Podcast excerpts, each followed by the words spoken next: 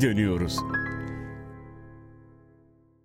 Geri dönüyoruzdan yeniden merhaba. Tör hocamla yeniden geriye dönmek, kendi merak ettiğimiz meseleleri konuşmak için buluştuk. Hocam nasılsın? İyiyim Mahir. Sen nasılsın? İyi misin? İyiyim ben de. Teşekkür ederim. Sen beni sakalsız bıyıksız sevmiyorsun. Bıyıklı geldim bugün kayda ama tabii bunlar sesli kayıtta görünmeyecek. Ama sen istersen bıyığımı biraz övebilirsin. Evet bence herkes senin bu halini görmeli yani bu bıyıklı halini. Bir an önce bunu görsel alana taşımalısın ya. Teşekkür ederim hocam. İltifat kabul ediyorum. Ya hocam bugün biraz e, şeyden konuşalım istiyorum. İnsanlığın yeme içme e, alışkanlığından. Çünkü biz yediklerimizle içtiklerimizle e, hayatımızı sürdürmemizi sağlayan enerjiyi temin ediyoruz. Fakat bu basit bir ihtiyaç karşılama alışkanlığından biraz öteye gitmiş ve artık kendi kültürünü yaratmış bir şey. Yeme içme kültürü dediğimiz şey tam olarak nerede cereyan ediyor? Nerede başlıyor? Yani örneğin tarım öncesinde de insanların bir yeme içme kültürü var mıydı? Yoksa sadece yaşadıkları bölgedeki fauna ve flora ile sınırlı eline hayvanı hangi hayvanı geçiriyorsa onu yediği, etraftan hangi tohumu hangi taneyi topluyorsa onu yediği bir dünya mı vardı? Yoksa yani biz geçmişe dönük arkeolojik olarak verilere baktığımız zaman şey mi görüyoruz? Yani belli başlı besinlerin özellikle tüketildiği hatta onların tarımının yapıldığı falan filan gibi bir şey var. Bir kültür var mı yemekte? Bu konuda iki teori var ya işlevselci teori insan ne buluyorsa yiyor pragmatik bir şekilde. Yani fark etmiyor yani işine gelen çıkarını olan her şeyi tüketiyor doğadan alıyor devşiriyor. Yalnız bir de antropoloji şöyle de bakıyor bu kadar katı bakmıyor bazı bilim insanları. Yani her toplumun özellikle sakındığı yemediği hayvanlar ve bitkiler var ve özellikle yediği hayvan bitkiler var ve bunların yenme usulleri de belki bunu da konuşabiliriz. Hani işte kanlı yenmesi, kansız yenmesi vesaire gibi ya pişirilerek, haşlanarak gibi. Aslında her topluluk kendisini var etmek için ve diğerlerinden ayırmak için kendine has bir yeme içme kültürü, bir sofra kültürü de diyebiliriz yani buna.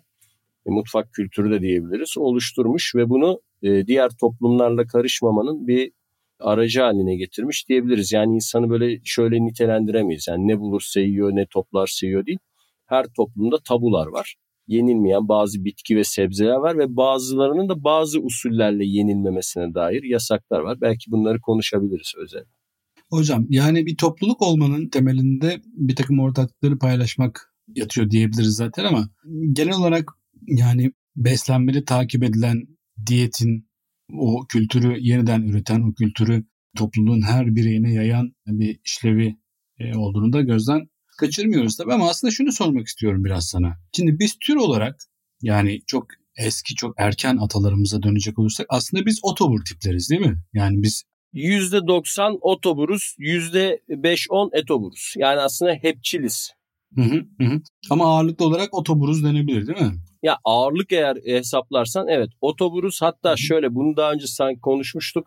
Biz gerçek etçil de değiliz. Hani mesela çiğ et yiyemeyiz. Çiğ et bizim metabolizmamızı bozuyor. Pişirerek et yiyoruz. Yani çiğ et yiyen hala tanıdığım insanlar var sevenler. Mesela eskiden biliyorsun çiğ köfteler gerçekten şeydi ya etliydi. Ama gerçi o bile biraz pişmiş bir et de.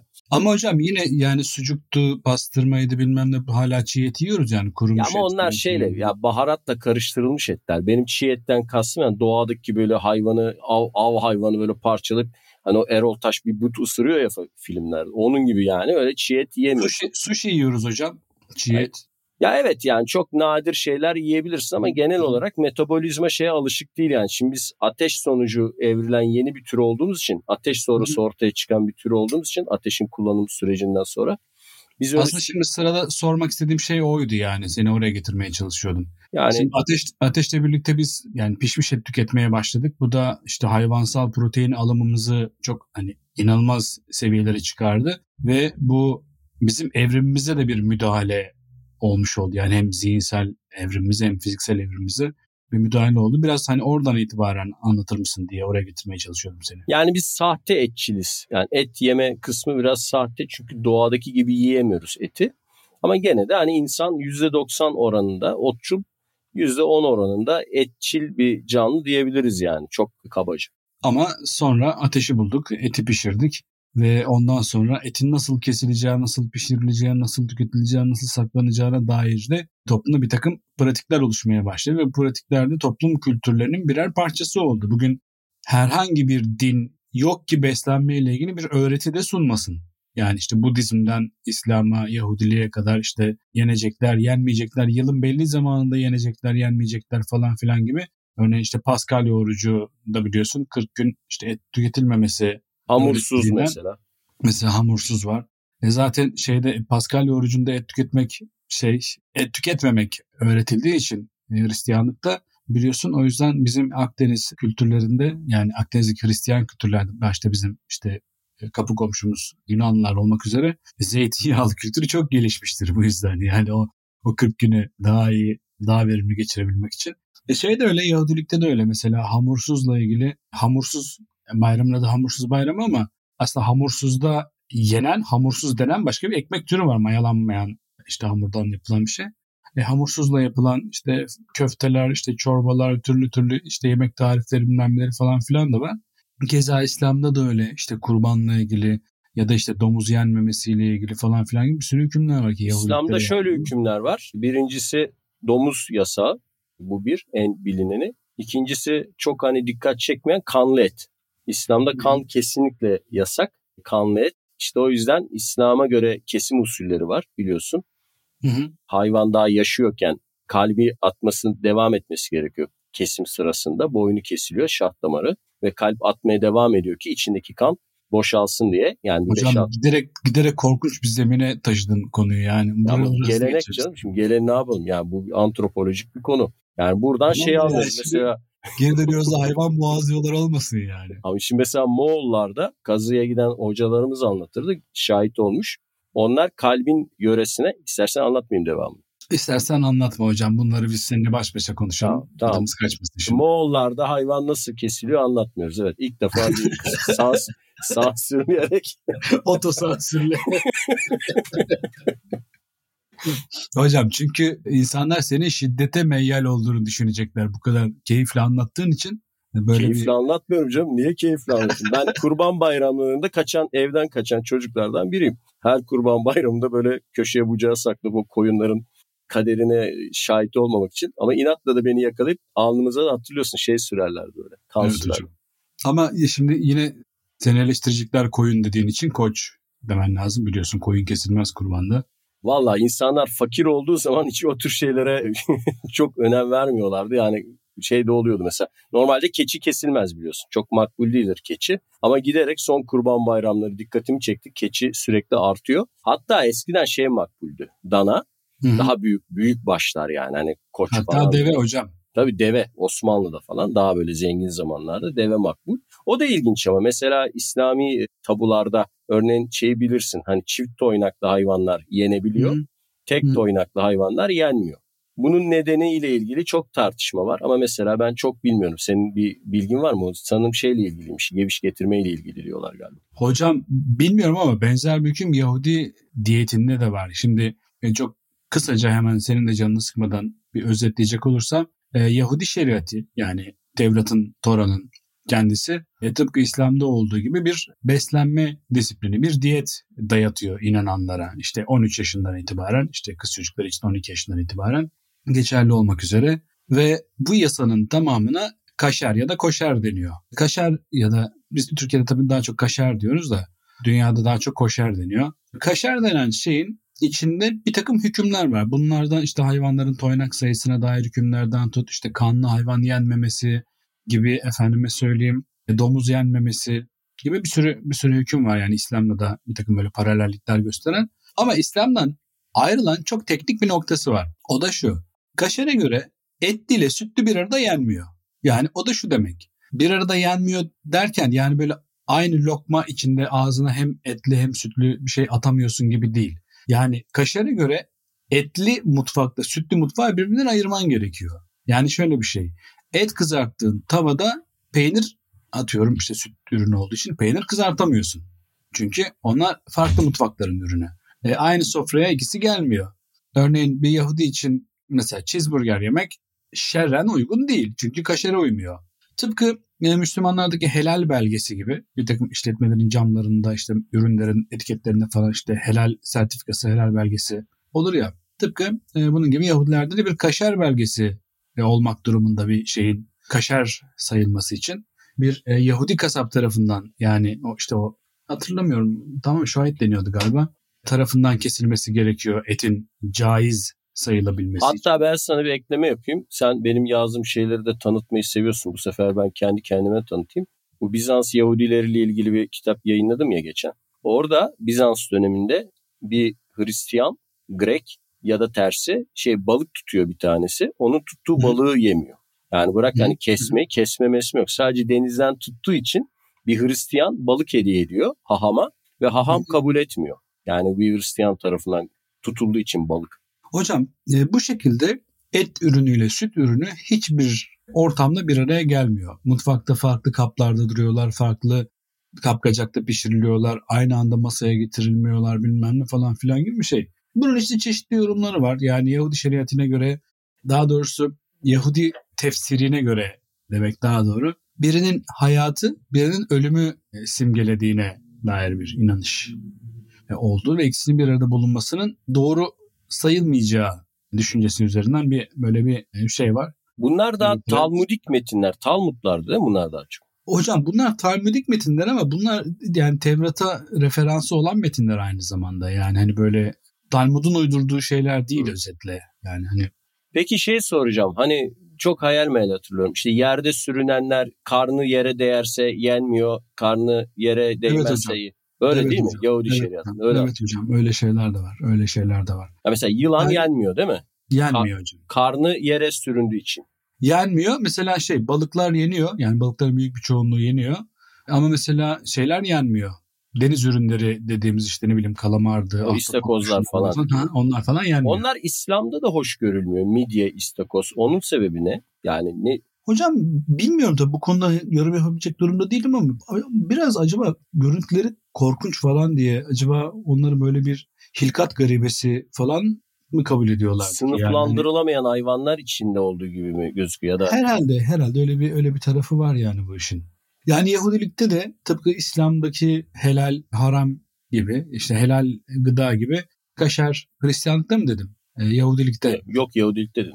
Ha Yahudilikte. İslam'da olduğu gibi dedin. Ha, İslam'da olduğu gibi Yahudilikte de böyle bir bir diyet var. Ama zaten asıl varmak istediğim nokta şu.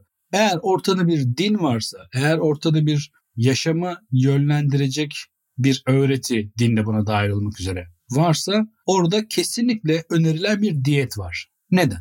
Şimdi bu bir parantez açayım yalnız. Kilise bunu tartışıyor. Yani eski antlaşma, yeni antlaşma olaylarını ve bu hayvan tabu yasakları kaldırıyor biliyorsun. Domuz eti yasağını vesaireleri. Ve o kilise babaları 3. 4. yüzyıllarda bayağı ciddi bunları tartışmışlar. Tanrı'nın yarattığı hiçbir yaratığın kötü olamayacağı ve insana yasak olamayacağı gibi bir kanaate varmışlar. Kilise babalarının verdiği şeyi söylüyorum. Kararı o Justinuslar falan. Ama bunu zaten daha önceden konuşmuştuk hatırlarsan şey demiştik. Yani Hristiyanlık aslında bölgedeki Yahudileri değil bölgedeki ve bölge dışındaki Helenleri tavlamak için biraz Esnemiş gibi. popülerleştirilmiş.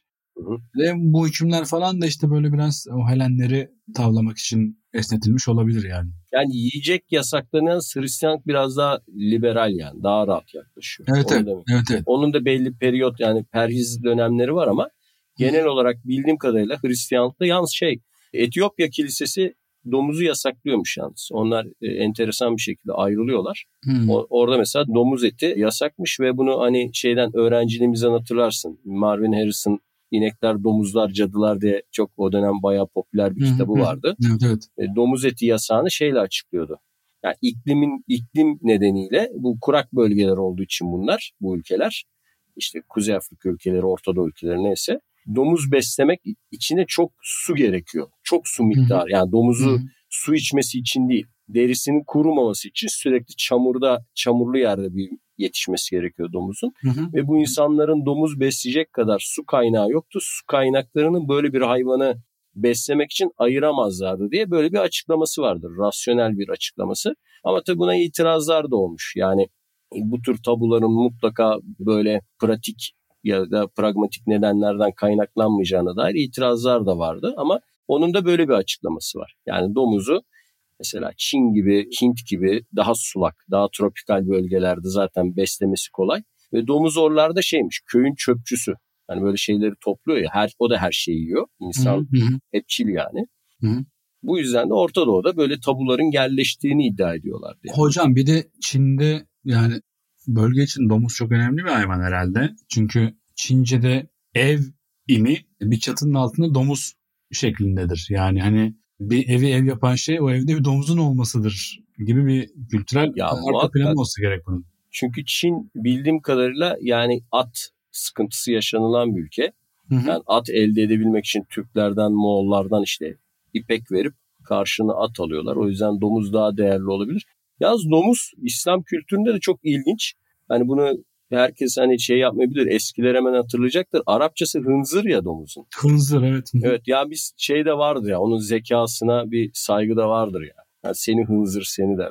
Acaba öyle bir şey mi yoksa yani böyle yani makbul olmayan anlamında mı kullanılıyor? Ya acaba o da var. Bak şimdi lanet hayvan anlamında şey var. Çünkü tarlayı basıyor ve insan ne yerse insana ortak. Yani tarlaları dağıtıyor ama şu da var. Domuz avcılarından biliyorum. Çok zeki bir hayvan. Biliyorsun avcıları tuzağa düşürür. Avcılar birbirini vurur Ama falan. Bu, bu, bu bahsettiğin yaban domuzu tabii. Yaban yani. domuzundan bahsediyoruz tabii canım. Çiftlik, çiftlik domuzu çünkü Herhalde. biraz şeydir yani. Ya bütün ev, bütün evcil hayvanlar yabani e, akrabalarından ve atalarından daha alık zaten. O kesin. Yani şimdi biz, şimdi biz koyun örneğini veriyoruz ama yabani koyun da zeki bir hayvan aslında yani. Evcil koyun gibi değil ya. Hatta şeyleri hatırlar mısın bilmem. Dur biraz seni sabote edeyim. Bizim küçüklüğümüzde Anadolu'nun yerli inek türleri vardı. Evet Hani hocam. böyle çok evet, iri alçak olmuyor. inekler. Ha, böyle alçak Hollanda inekler. inekleri gibi devasa değil. Küçücük Evet, küçücük evet. inekler. Seke seke gezen inekler de onlar. Evet. Ya 3-4 kilo süt verirler. Böyle çok verimli değiller onların şeyleri ama çok zeki hayvanlar onlar. Onları ben hatırlarım köyde salarlardı sabah bunları. Akşam bunlar kendileri kendi kendine meralarda gezinip akşama her biri kendi evine geri döner Hı. ve sahibine seslenirdi beni içeri al diye. Onların da şeyleri tanırdı. Her köylü kahvede ha benimki geldi derdi. Kahveden çıkardı. Şeylerin kapısını açardı. Onlar da girerdi. Mesela onlar Hocam- ak- akıllı hayvanlardı yani. Benim yakın arkadaşım Sinan Sülün yazar. Hı. O anlattı. Askerlik yapmış Balıkesir'in bir köyünde. Şey jandarmaymış. O anlatmıştı. Böyle şeye çıkıyoruz. Araziye çıkıyoruz. Yani devriye mevriye bilmem ne falan filan. Böyle salma gezen inekler görüyoruz sürekli. Kimse yanına yaklaşmıyor falan filan. Hatta uyarıyorlar bu ineklere yaklaşma bilmem ne diye. Sonradan öğrenmiş sırrını. Bir grup inek ha, herhalde Anadolu ineği onlar yine yani böyle bizim çünkü küçük alçak inekler Yerli türler. şey kaçmışlar hocam. Öyle yani yabana çıkmışlar inekler ve orada nesillerini devam ettirmişler. Böyle birkaç nesildir orada inekler öyle serbest salma halde geziyorlarmış yani. Kimse de çok vahşi bir hayvan olduğu için kimse yaklaşıp boynuna kemer atıp işte ağırına alına da çekemiyormuş. Böyle orada bir inek popülasyonu varmış yani öyle. Doğal inek popülasyonu. Yılkı inek. Tabii ya onun gibi evet şeyde Kapadokya'daki atlar gibi. Ya onlar yabani hayatı hemen ayak uydurabiliyorlar. Çünkü tam evcilleşme aşamasının ileri noktalarında değiller. Ama bu Hollanda'dan gelenler falan biliyorsun. Veteriner olmadan doğum yapamıyor onlar kendi başlarına. Hı hı. Hı. Hocam tabii biz insanlar sadece et yiyormuş gibi konuştuk bu noktaya kadar ama belki de bu yolla biraz vegan ve vejetaryen dinleyicilerimizin belki de midesini kaldırdık şimdiye kadar. Yok Biraz şöyle daha- tabular daha çok et üzerine. Et ve Evet doğru. hayvanlar doğru, üzerine. Çok haklısın. O yüzden. Çok haklısın. Çok haklısın. Ve biraz da böyle şey yani işin sonuçta hayvanlarla ilgili bütün münasebetimiz aslında avcılığımızdan ileri gelen deneyimler üzerine kurulu. E, Yani muhtemelen inekleri evcilleştirmeden önce mızrak atıp vurup yiyorduk yani. Hani böyle boynuzundan tutup e, alıp e, yakınlardaki bir ağaca bağlamıyorduk. Hep avcılık deneyimi üzerine. Fakat bir de bizim insanlık tarihimizin çok ciddi bir tarafı da toplayıcılığımız üzerine. Yani biz tarımı bile yanlışlıkla belki de toplayıcılığımızla keşfettik. E, Biraz da toplayıcılık üzerine konuşmak istiyorum. Şimdi mesela biz çok hamur tüketen bir toplumuz. Yani biz işte Anadolu ve bu civar hatta Balkanlar işte ne bileyim Orta Doğu, Kafkasya falan filan hep böyle yani inanılmaz mesela Çerkez yemekleri vardır hep hamur hamur işi olan falan. İran'a gidiyorsun yine hamur yeniyor falan. Biz bu bölgede çok hamur yiyoruz çünkü biz bu bölgede tahıl yetiştiriyoruz. Hatta bu bölgede insanlığın tarihi de biraz tahılla birlikte anılıyor gibi. Peki tahılı nasıl evcilleştirdik? Yani doğada böyle tahıl diye bir şey vardı ve onları mı topladık biz? Ya bu insanların nesiller boyu hayvanlar üzerine uyguladıkları gibi aslında işte 19. yüzyılda Darwinlerin sonradan bilimsel olarak keşfettiği şey doğal seçilimin işte insan tarafından yapılan yapay seçilimi. Yani alıyor daha çok tohum vereni seçiyor sonra onu tekrar ekiyor bir bakıyor ki hakikaten o daha fazla elmalarda mesela elmalar niye kıpkırmızı? kırmızı olanının tohumunu atıyor. İşte üzümler niye büyüyor? Mesela şey kitaplarda hatırlarsın İnkaların, Azteklerin yetiştirdiği ilk Mısır şeyleri, koçanları küçücüktür örneğin. Yani onların internette insanlar bizi dinleyenler şey yapabilirler, bakabilirler. Mesela yabani Mısır şeydir bir avuç içine sığacak kadar küçüktür koçanları. Ama bunları seçe seçe yani iri taneli olanları seçe seçe büyütmüşler. Tıpkı işte bizim bu köpek türlerini kendi arasında eşleştirerek değiştirme uğrattığımız gibi yani işte uzun kulaklı, uzun burunlu.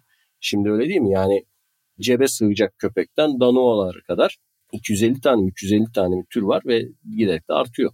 Peki hocam bir de şunu sormak istiyorum. Şimdi bizim bugün bugünkü diyetimizin içinde çok değişilmez gibi görünen bir takım besin öğeleri var. Örneğin domates gibi, örneğin patates gibi, mısır gibi. Bunlar aslında sadece bizim değil bütün dünyanın çok yeni tanıdığı şeyler yani insanlık tarihi düşünüldüğünde. İnsanın kıtalar arasında seyahat edebiliyor olma becerisini kazanmasıyla birlikte öğrendiğimiz besinler. Ama mesela bugün Türk mutfağı dediğinde salçasız bir şey canlandıramıyorsun gözünde ya domatessiz bir şey canlandıramıyorsun gözünde. Yani insanlık tarihi böyle besinlerin oradan oraya taşınması, tohumların oradan oraya aktarılması, ürünlerin oradan oraya nakledilmesi gibi deneyimler hatırlıyor mu başka? Ya bunu söyleyince aklıma hemen bu hani milli kültür tartışmaları geliyor. Yani milli kültür denilen olgunun ne kadar değişken olduğu, zamana, yüzyıllara göre akıp gittiği, bambaşka bir şey büründü. Yani bugün dediğin gibi yani yerel mutfak, milli mutfak falan dendiğinde ilk akla gelen şeyler salçalı domatesli yemekler, patatesli yemekler vesaireler. Ama aslında bunlar işte 4 asır öncesine kadar Anadolu insanı hiç bilmediği Amerikan kaynaklı bitkiler. Hatta bir tane daha ben örnek vereyim. Çikolata. Yani hı hı. yani o kakaonun Amerikan bitkisidir kakao. Yani bu çikolatanın icadı da işte 17. yüzyıllar falan o kahvenin yanında böyle verilmesi falan işte çeşitli şeylerde. Sonra şeker kamışından işte üretilen şeyler falan. O yüzden hani bu ne kadar değişken olduğunu da gösteriyor. E, tarih boyunca eski dünyadan yeni dünyaya böyle aktarımlar var. Mesela işte hatta patates ilk geldiğinde öncelikle hayvan yemi olarak getirilmiş. Bunu ben şeyden öğrenmiştim ya. Bir ALES sınavında galiba soru olarak sorulmuştu bu. Fransız krallarından biri bu patatesi halka yedirtmeye çalışıyor. Halk da yemiyor yani alışkanlıkları yok. Sonra işte saraya bunu ekiyorlar patatesi böyle ve kimseye de yaklaştırmıyorlar. Çevresini böyle tellerle sarıyorlar, nöbetçi dikiyorlar. Geceleri de köylülerin böyle çalmasına izin veriyorlar ama. Hani kral bunu yediğine göre bu önemli bir şeymiş falan gibi. Bunu 17. 18. yüzyıllardaki ilk reklamcılık örneği olarak anlatırlar şeylerde okullarda. Şimdi onların torunları McDonald's'ta kuyruk bekliyorlar. Yani evet böyle alıştırılıyor. hani insanların bir zaman zorla yedildi. Yani işte kuş yemi dediğimiz işte ne bileyim hayvan yemi denilen şey. Bu arada hocam şöyle bir şey var. Hatırlarsın yani 80'lerde 90'larda bu kızarmış parmak patates, kızartmış patateslere pomfrit derlerdi hatırlıyor musun? Biraz. O işte pomfrit sözcüğü aslında Fransızcadan gelen bir şey. Çünkü Fransızca'da patatese pomme de terre diyorlar hocam. Yer elması demek aslında tam olarak. Herhalde o yani o dokusuyla elmayı hatırlattığı için. E, ama biz de yer elması diye başka bir şey diyoruz tabii yani patatesi demiyoruz. Yani o pom yani pom de terre'in şeyi pomu ve frit yani kızarmış kızarmış elma demek aslında şey patates. Patates kızartması. Tabii artık öyle demiyoruz. Şimdi şey Türkçe'de kızarmış patates kızartması diyoruz da yani fast food olanına da öyle diyoruz. Ama chips falan da diyorlar galiba. Kelimenin kökünü incelediğin zaman işte nesnenin yolculuğunu bir nebze anlamış oluyorsun. Hani bunu daha önce başka bir tercümelerle ilgili tartışmada konuşmuştuk. Hı hı. Örneğin darıyla mısırın karıştırılması hı hı. nedeniyle hı hı. adamlar darı yani mısırı darı ismini veriyorlar. Yani İngilizce'deki o corn ismini veriyorlar ve aslında bir süre sonra ikisi birbirine karıştığı için şey sanılıyor. Yani onu darı sanıyorlar yani gibi daha önceden neyi biliyorsa ona benzeyen yeni geleni de ona benzetiyor. Bu sen örnekler veriyordun hatta Farsçadan mesela Zerdali örneğini vermiştin. Hı hı. Yani yolculuklar esnasında halklar daha önceden... Bunu karşı... açıklayalım hocam. Şey, tabii tabii. Yarım, yarım kalmasın. Şiirlerimizde çok değinilir evet. Şeyde Farsçada hocam şeye eriye alu diyorlar. Zerd de Farsçada altın demek. Altın erik demek aslında zerd alu. İşte Türkçe'ye gelince zerdali Olmuş ama artık zerdali de pek kullanılmıyor herhalde kayısı için değil mi? Ya da kayısının bir türü için mi kullanılıyor? Zerdali, zerdali şey yabani kayısı gibi bir şey diye hatırlıyorum. Yani hmm. daha böyle farklı bir türü ama bitti gibi. Yani zerdali ağacı hmm. nadiren görüyoruz. Muhtemelen artık görsek zor tanırız yani zerdali. Hocam kayısı ve zerdali ve erik arasındaki ilişki, kayısı ve erik arasındaki ilişki aslında ilginç bir ilişki. Yani onu eriye benzetmek, yani altın bir erik olduğunu düşünmek falan böyle işte kadife kaplı bilmem böyle krallara layık bir erik olduğunu düşünmek eğilimi herhalde Orta Doğu insanında var. Çünkü biliyorsun Arapçada kayısıya mişmiş derler ve eriye verilen isimlerden biri de birkuk'tur. Yani el birkuk. Yani el birkuk sözcüğü yani Endülüs ve Akdeniz adaları aracılığıyla Avrupa'ya gittiğinde o Elbirkuk yani erik bir şekilde orada kayısının adı olmuş. Yani biliyorsun İngilizce'de apricot bilmem falan filan sözcüğü oradan gelir. Kayısı ile erik arasında böyle bir romantik ilişki var tam olarak kaynağını bilmesem de. Yani şey de çok güzel hocam. Mesela zeytin kelimesi yani hemen hemen bütün Akdeniz'de Arapçadan geçmiş. Yani bize Arapçadan gelmiş. İspanyolcası da böyle bir şey. Asaytun gibi bir şey yani. Ona da Arapçadan geçmiş. Halbuki işte Rumcası Elia zeytinin. Ama Türkler örneğin zeytini Rumcasını değil yani hani şey tahmin edersin herhalde Rumcasından Hı. almışlar falan. Yok hayır Arapçasını almışlar. Acaba işte doğudan gelip de ilk defa zeytin ağaçlarını Rumca konuşan coğrafyada değil de Antep bölgesinde, o Urfa bölgesinde de zeytin var ya neticede. Hı hı. Hatta Suriye'de de biliyorsun e, çok cüce zeytin çok yaygındı. Muhtemelen ilk orada tanıdıkları için. Yani bu tür kelimeleri böyle dedektif gibi incelediğinde şeyleri de ortaya çıkarıyorsun. Toplumların göç yolları da nereden nereye doğru gitmişler, kimle ilk karşılaşmışlar bunları da anlamış oluyoruz. Çok eğlenceli bir konudur yani bu tür sebze meyve isimlerinin izini sürmek. Hocam böyle bir böyle bir projem var benim bakalım yakın zamanda yazmayı bitirirsem bir şey hazırlıyorum. Hayır bir de aklıma ne geldi bunu da söyleyeyim. Şimdi Farsça'da tavşan herguş ya. Hı hı. Yani eşek kulaklı demek. Hı hı hı. Yani demek ki önce adam eşeği tanıyor.